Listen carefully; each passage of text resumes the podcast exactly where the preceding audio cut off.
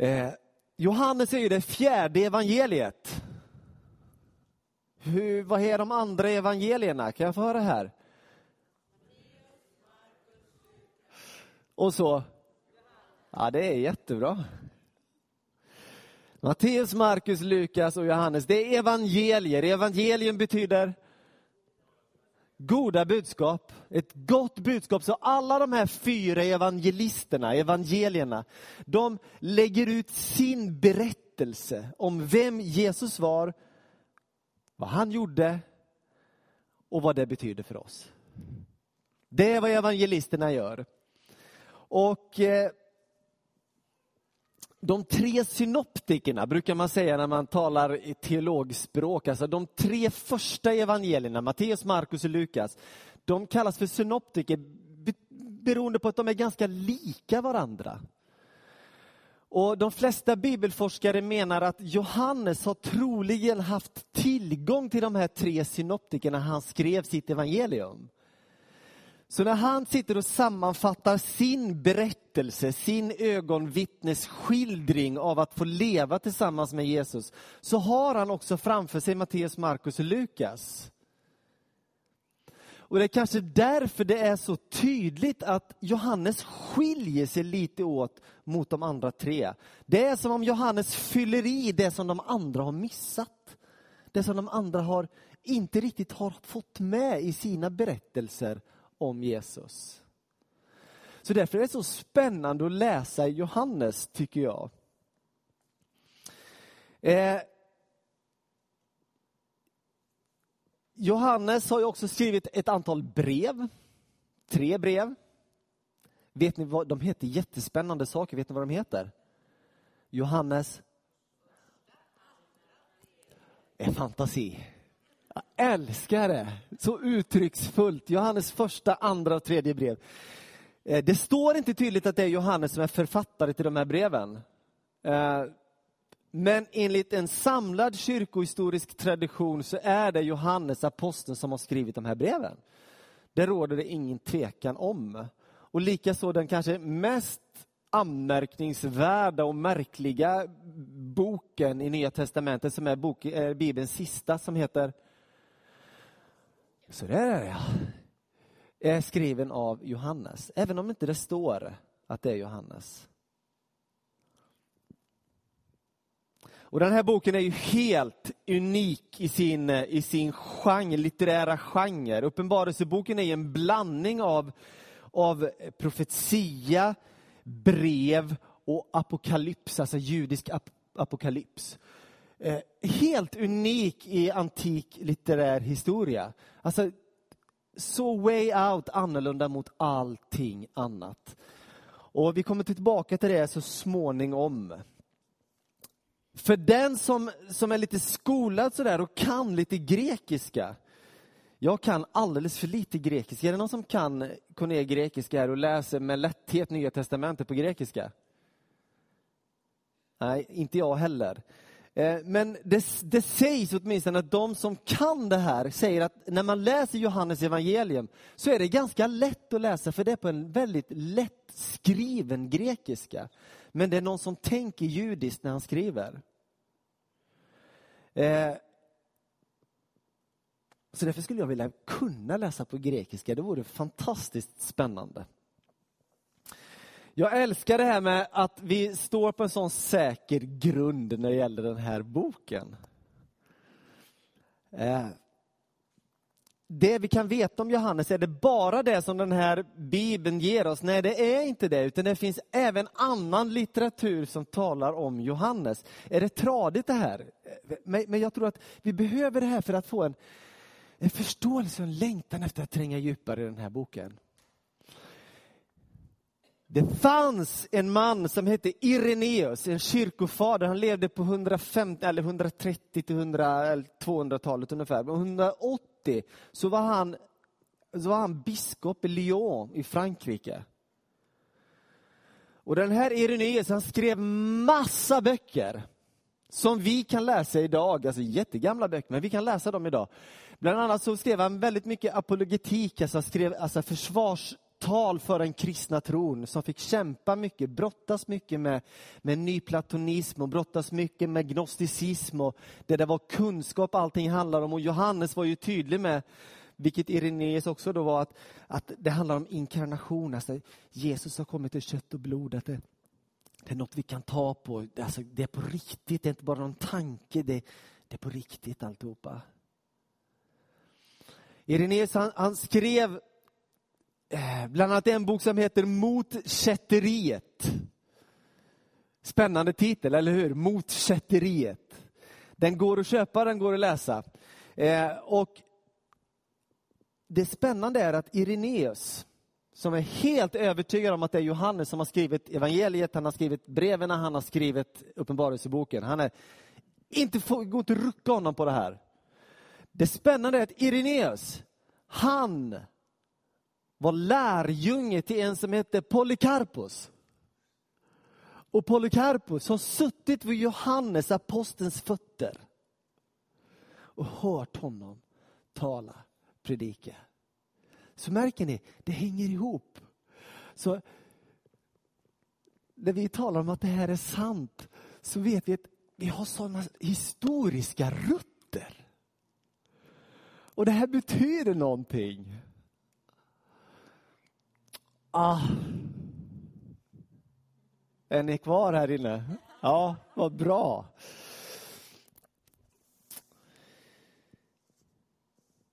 Johannes då, vem var han?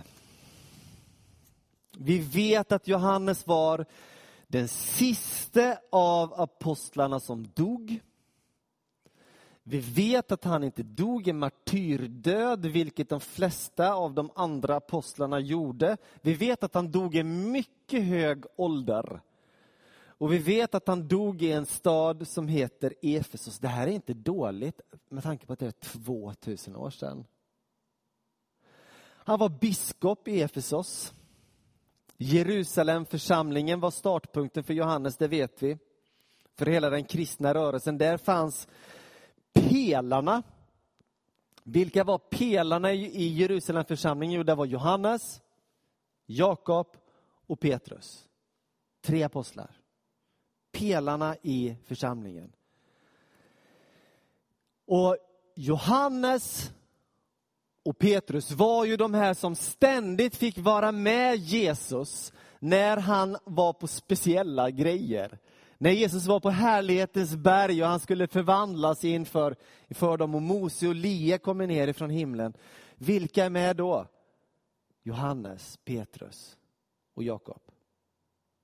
När Jesus är i Getsemane och där han ska strax korsfästas och han är där och han ber och han ber och han ber. Vilka har han med sig? Johannes, Petrus och Jakob. Det spännande här är nu, det är lite stick och spår, men jag tycker ändå vi behöver veta det att den Jakob som det beskrivs, beskrivs som här är inte, eller den Jakob som är pelaren i församlingen i Jerusalem är inte lärjungen Jakob. Det vet ni va? För lärjungen Jakob, han fick dö en martyrdöd väldigt tidigt. Så den lärjungen vi kan läsa med Apostlagärningarna som heter Jakob, eller den, den som heter Jakob, det är Jesu bror Jakob. Som också har skrivit brevet Jakobs brev.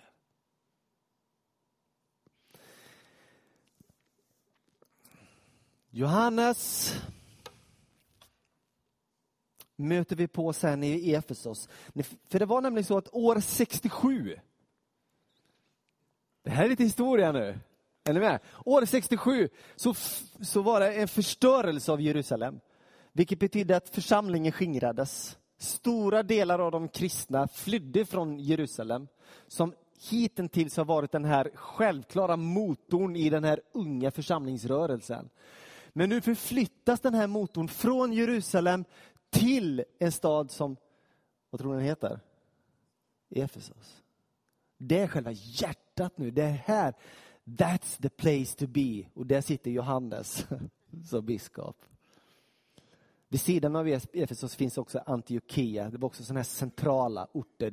Rom var inte på tanken än. i Efesos. Johannes var bror med Jakob.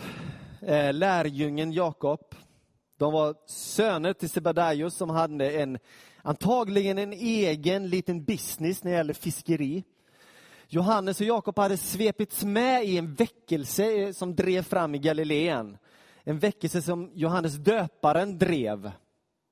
Och de var helt gripna av den här väckelsen, av den omvändelseretorik som Johannes döparen använde sig av, där han sa, ni måste byta liv. Ni kan inte hålla på så här längre.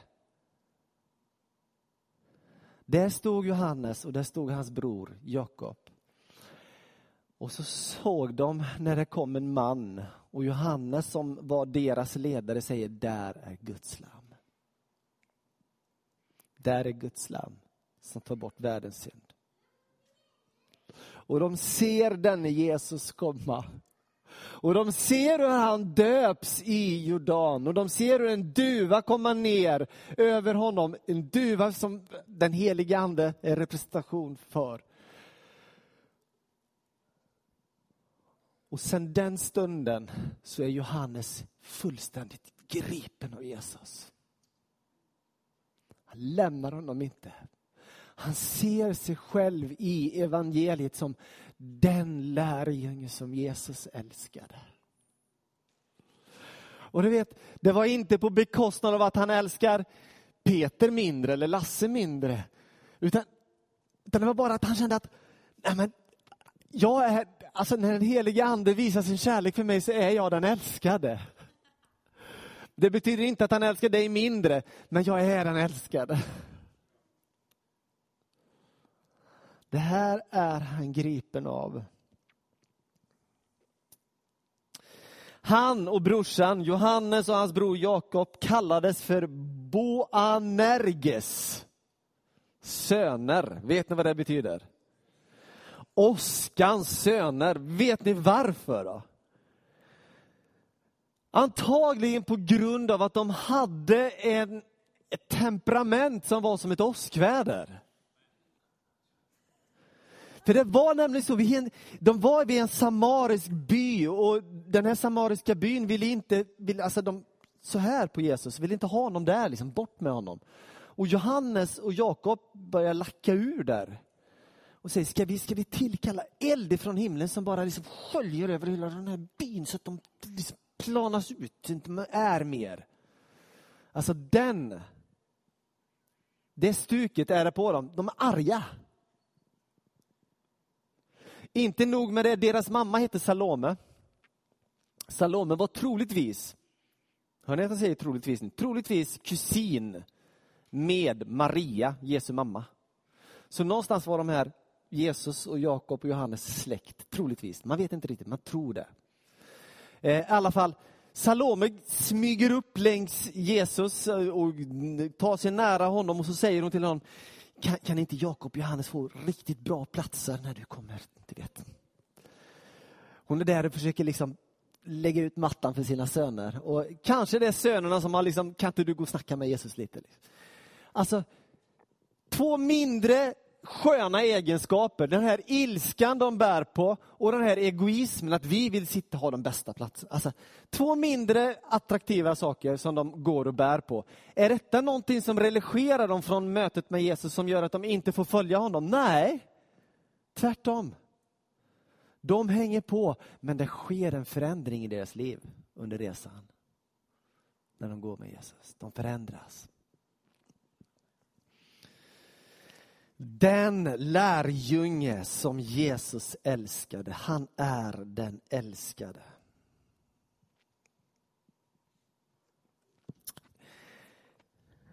En skillnad som jag har upptäckt och som jag tror att Johannes vill utmana oss med. Skillnaden mellan Johannes evangelium och de andra synoptikerna.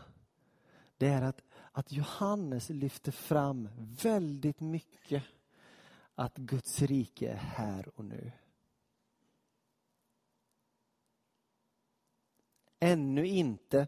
Guds rike är här och nu, men ännu inte. Det finns hos Johannes också, men det är en betoning på här och nu. Att du i tro redan äger det som ska fullbordas till slut.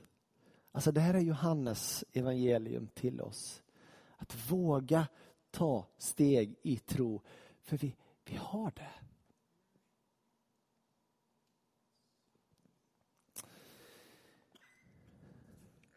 Johannes han var den siste som stod kvar vid korsfästelsen. Alla andra hade gått. Den siste som Jesus talade med. Där är din mor, ta hand om henne. Han var den som tog alla sina chanser när du läser evangeliet att luta sitt huvud mot Jesus. Han var den som tog alla sina chanser att vara honom riktigt, riktigt, riktigt nära. Han visste att den förnämsta kallelsen som någon av oss kan ha, det är att få älska Jesus mer och mer och mer. Vara riktigt, riktigt nära honom. I slutet av sitt evangelium så skriver Johannes så här. Johannes 20, 30 eh, och några verser framåt. Många andra tecken som inte är nedskrivna i denna bok gjorde Jesus inför sina lärjungar. Men, Jesus har, men dessa har blivit nedskrivna för att ni ska tro att Jesus är Messias, Guds son och för att ni genom tron ska ha liv i hans namn. Alltså det här kan vi se något av den passion som finns hos Johannes. Att han, han är villig att ge upp allt så att vi ska förstå att det finns liv hos Jesus. Och att Jesus är den han säger sig vara.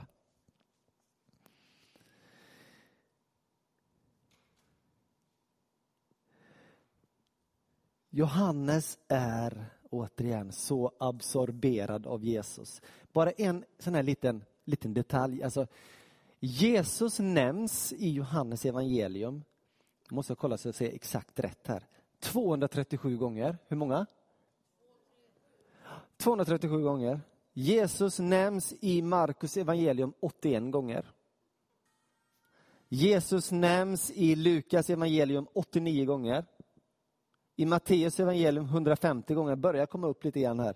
I Paulus, alla Paulus skrifter så är det 213 gånger, men Johannes nämner Jesus 237 gånger. Alltså, förstå, det är Jesus. Det är inget annat. Det är bara Jesus. Och att han förstår att han är den här älskade. Jag skulle önska att vi hade det här i oss. Ni vet, varje morgon när vi kommer upp på toaletten, att vi ställer oss framför den här toalettspegeln. Och du vet, vi kanske inte alltid är sådär, vem är det, det där? Alltså när man tittar. Men istället tänka att där är den älskade. Va? Titta dig själv i spegeln. Wow, där är den älskade. Den lärjunge Jesus älskar. För att du har allt på plats. Nej, Johannes hade sitt temperament. För att du är fri från all egoism och inte... Nej, Johannes hade sin sånt också. Men han visste att han är den lärjunge Jesus älskade. Och han visste att han kommer förvandlas och vi kommer att se på den förvandlingen alldeles strax.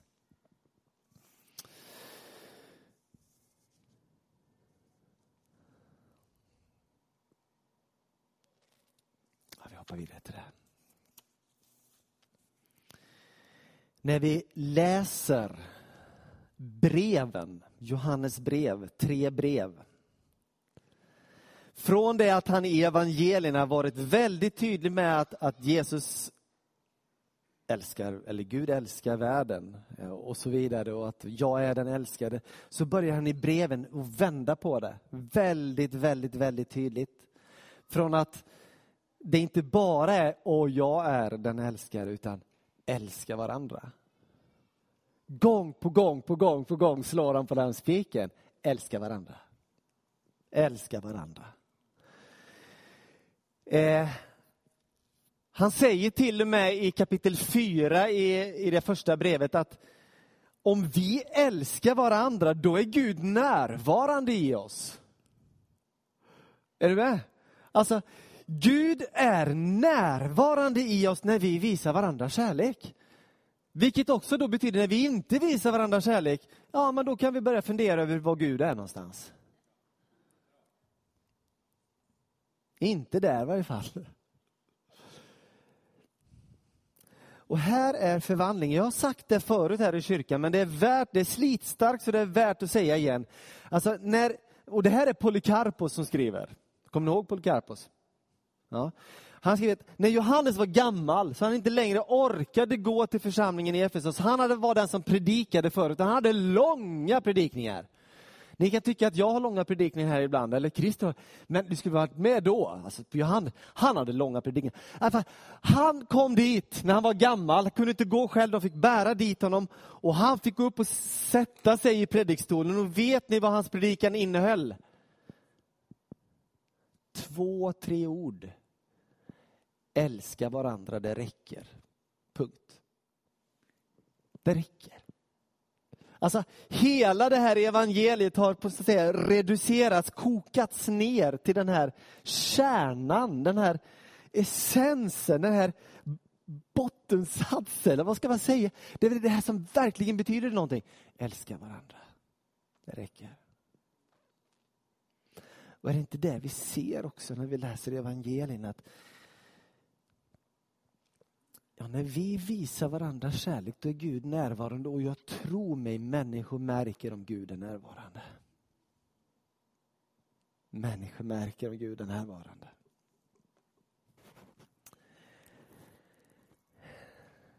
När han går över sen till Uppenbarelseboken, det här är det sista nu. Eh, Uppenbarelseboken, en kampskrift som är skriven av Johannes när han sitter fängslad på en ö som heter Patmos. Och han sitter fängslad där på grund av ett brott som han är anklagad för av den romerska staten. Ett brott som kallas för majestätsbrott. Vilket betyder att han har vägrat att tillbe kejsaren som Gud eller som kejsare. Ni vet att kejsarna på den här tiden, eh, det var en extrem kejsarkult i det romerska imperiet. Vissa kejsare drev den här kulten till det yttersta och andra var inte så jättenoga med dem. Men vi, vi kan ju förstå hur mycket det här, de drev det här när vi har bara våra månader, juli, är hämtat ifrån Julius Caesar, det kommer därifrån. Eller augusti, Augustus, kejsare. Alltså, förstår ni? Alltså det här, vilken påverkan det här har haft och vilka makter som är i rörelse. Och de krävde en gudomlig tillbedjan. Och Johannes, han visste att han är den älskade. Han älskar bara Jesus. Så han sitter där i fängelse, inte för att han älskar Jesus, inte för att han tillber Gud, inte för att han är kristen, utan för att han vägrar tillbe makten i den här världen. Det är därför han sitter där. Ja. Inga andra gudar. Och vet ni? För några år sedan när jag bodde i Dalarna så hade jag varit uppe i Borlänge och predikat i Missionskyrkan i Borlänge. Det var så halv mycket folk och jag var inte så där jättetänd när jag åkte därifrån. Liksom, jag landade här någonstans. Och när man åker ifrån Borlänge till det stället jag bodde då i Ludvika så åker man söderut. Och när man åker den här vägen söderut från Borlänge så åker man förbi ett tempel. Bokstavligt talat ett tempel, en kupol. Så här. Som en kupol. Ser ut som en kyrka. Jättegigantisk kyrka. Och det glittrar ett hav av bilar utanför det här. Och det är ett köpcenter som är jättestort. Och jag funderar, vem tillber vi idag?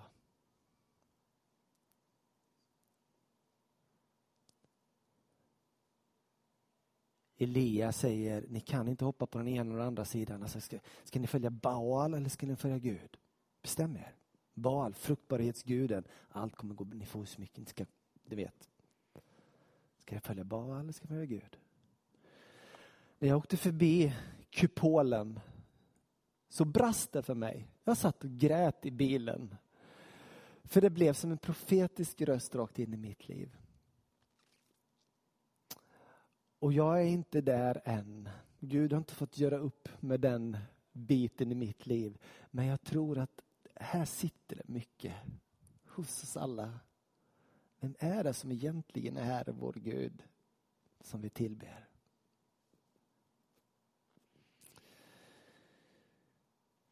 Kärlek till Guds ord. Det var ni med på va? En eh, förståelse av att du är den älskade, det vill Johannes skicka med dig. Och en passion till Jesus, det vill han skicka med dig. Och det sista, och som jag, som jag tror att vi ska fundera lite på, inga andra gudar.